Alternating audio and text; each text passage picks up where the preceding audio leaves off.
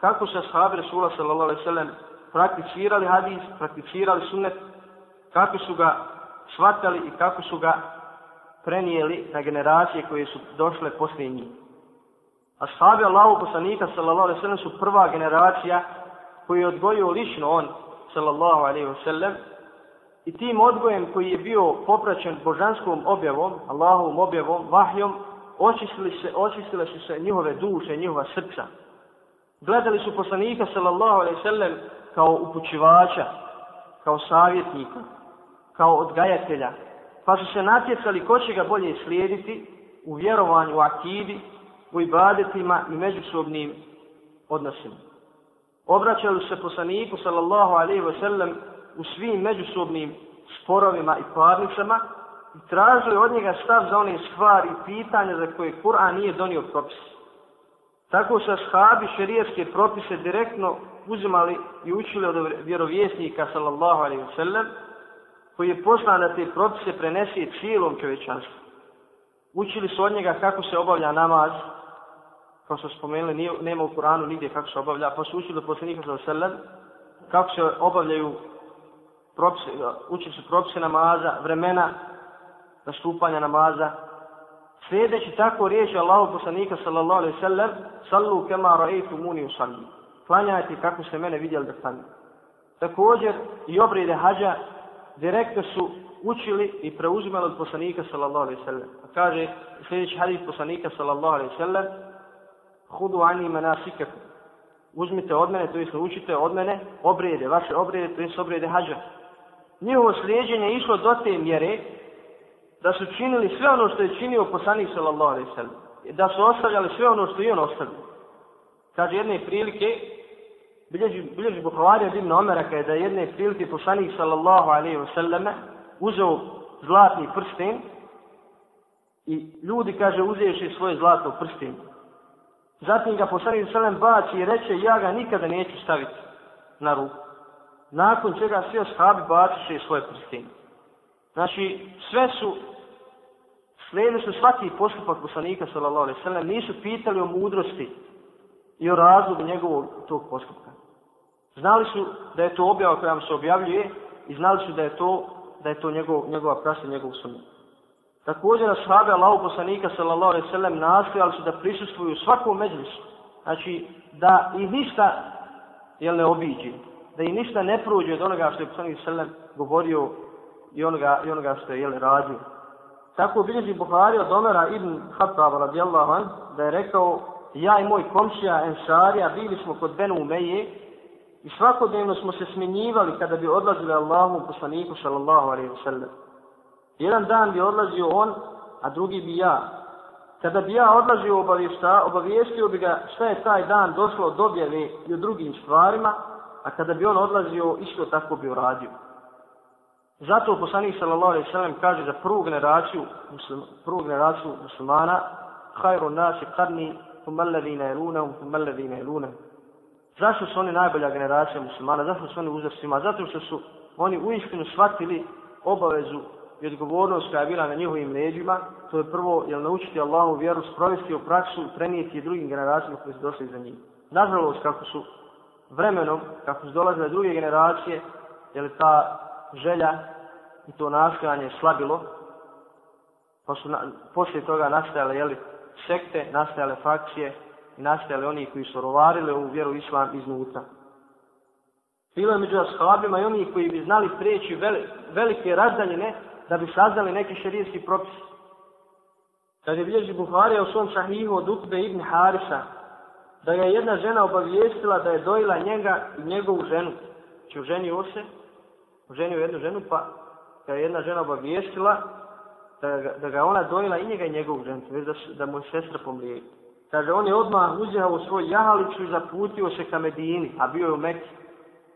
Zaputio se da Allahu poslanike, sallallahu alaihi wasallam.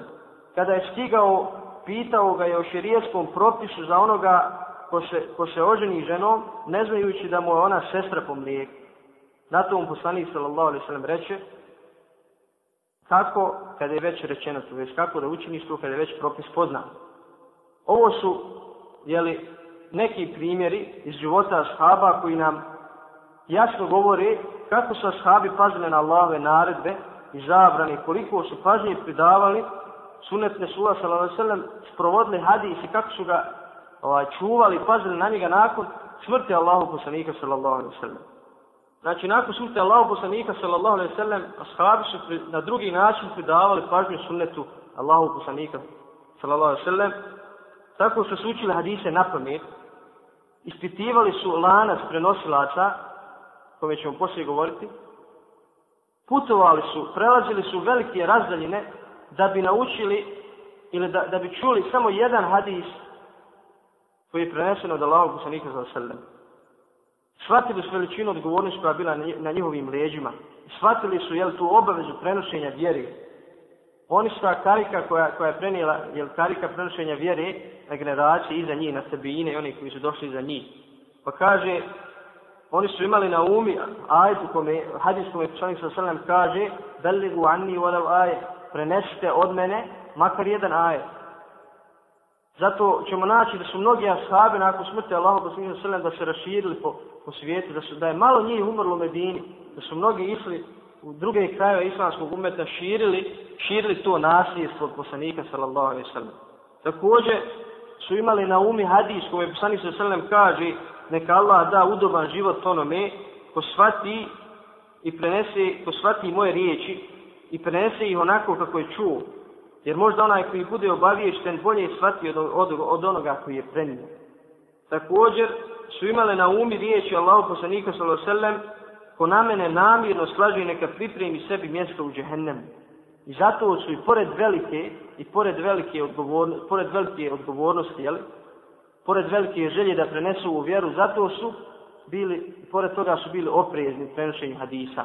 Mi ćemo poslije govoriti posebno, jeli, kako je nastala hadijska nauka, hadi, kako su nastale hadijske nauke, na, nauka o prenosiocima, tako dalje.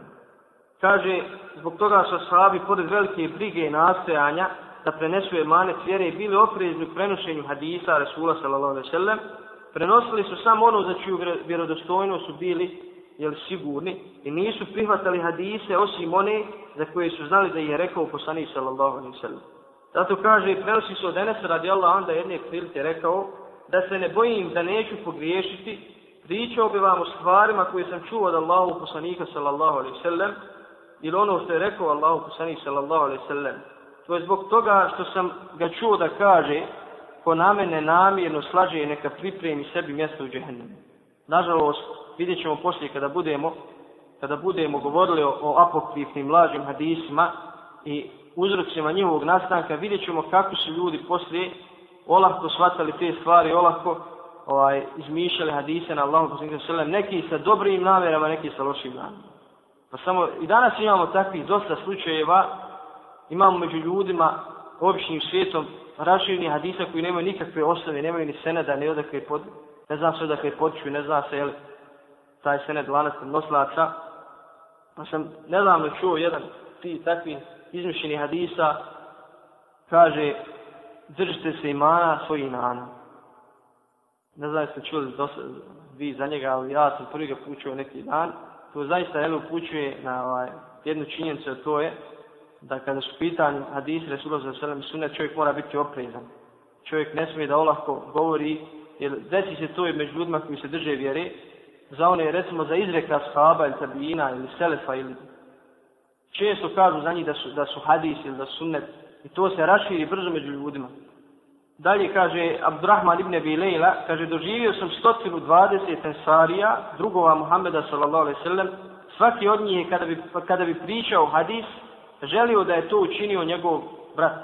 A kada bi bili upitani o nečemu, svaki od njih je želio da njegov brat odgovori. A u drugoj predaj stoji, kada bi neko od njih bio nešto upitan, putio bi pitao sa svom bratu. I tako sve dok pitala, ponovno ne bi došao od onog prvog. Znači svaki upućivao na onog, na onog drugog, na svog brata, da mu on odgovori, da mu on da jeli, odgovor na njegovu pitanje. Također u Bekr Siddiq, u Bekru Siddiq, prvi halifa Rasula sallallahu alaihi sallam, je bio jedan od onih koji su najviše nastojali da postupaju po hadisu. E, zato se prenosi kaže bilježi Ebu Dawud u svom sunenu i tirmize u El od Ibni Čihaba i Zuhrija, a on od Kubejce ibn Zuejba da je rekao, došla jedna nena Ebu Bekru radijallahu anhu da ga upita šta joj pripada od nasljedstva. Ebu Bekr radijallahu anhu je odgovori po Allahu u knjizi ništa ti ne pripada, a i po sunnetu Allahu poslanika sallallahu alaihi sallam ne znam da ti šta pripada. Vrati se dok ne upita. Upitao je o tome ljude pa mu Mugire ibn Šoba reče prisustvovao, prisustvovao sam kada je jednoj starice Allahu poslanik sallallahu alaihi wa sallame dodijelio jednu šestinu od imetka. Ebu Bekr radi anhu ga upita ima li još ko s tobom, to posvjedoči, na to ustade Muhammed ibn Mesleme i to posvjedoči. I reče isto što je rekao i Mugire ibn Šube. Ebu Bekr radi Allah sprovede hadis i dodijeli neni, neni šestinu. Hadis je Hasan sahih. Iz ovoga vidimo koliko se sahabi Rasulullah sallallahu alejhi ve pridavali pažnju kada su pitanje hadisi. Nisu olako prenosili, E, posebno nakon fitne koja se desila nakon ubisa Osmana radijallahu anhu. Jer u početku ashabi su prenosili hadis bez pitanja od, ko, od koga je čuo. Ako, ču, ako čuje od nekog od ashaba, hadis nije pitao od koga on čuo. Sve dok se nije desila ona fitna sa Osmanom radijallahu anhu ubistvo i poslije kada su nastale jeli, frakcije, došlo je do izmišljanja hadisa, došlo je do a, potkrepljivanja stavova lažnim hadisma i poslije su jela ashabi i generacije za njih počeli da ispitivaju sened, lanas prenoslaca. Ko je taj ko prenosi, da li, da li je vjerodosan, da li, da li je fika, da li je povjerljiv i tako je nastala hadijska, hadijska nauka koja se zove ilmu riđal, nauka o prenosiocima hadisa gdje ćemo vidjeti je li zaista Allahu, je li Allahu, onaj, Allahu kudret Allahu jel, moć kada je dao ljude koji će sačuvati hadis Rasula sallallahu alaihi sallam jer napad na hadis je napad na Kur'an, napad direktno na, na Islam. Jer orientalisti i neprijatelji Islama u početku kada su vidjeli da ništa ne mogu Kur'an, da ne mogu da ne mogu izmijeniti ništa, jer je Allah šan uzeo na sebe da će ga, da će ga čuvati. Inna nahnu nazrana zikra wa inna lehu lahafidun. Počeli su da napadaju na sunnet da napadaju na sunnet, da nastoje iskrnaviti sunnet, da nastoje izmišljati hadise, jer napad na sunnet, kao što smo rekli, napad na Kur'an i direktno napad na Islam.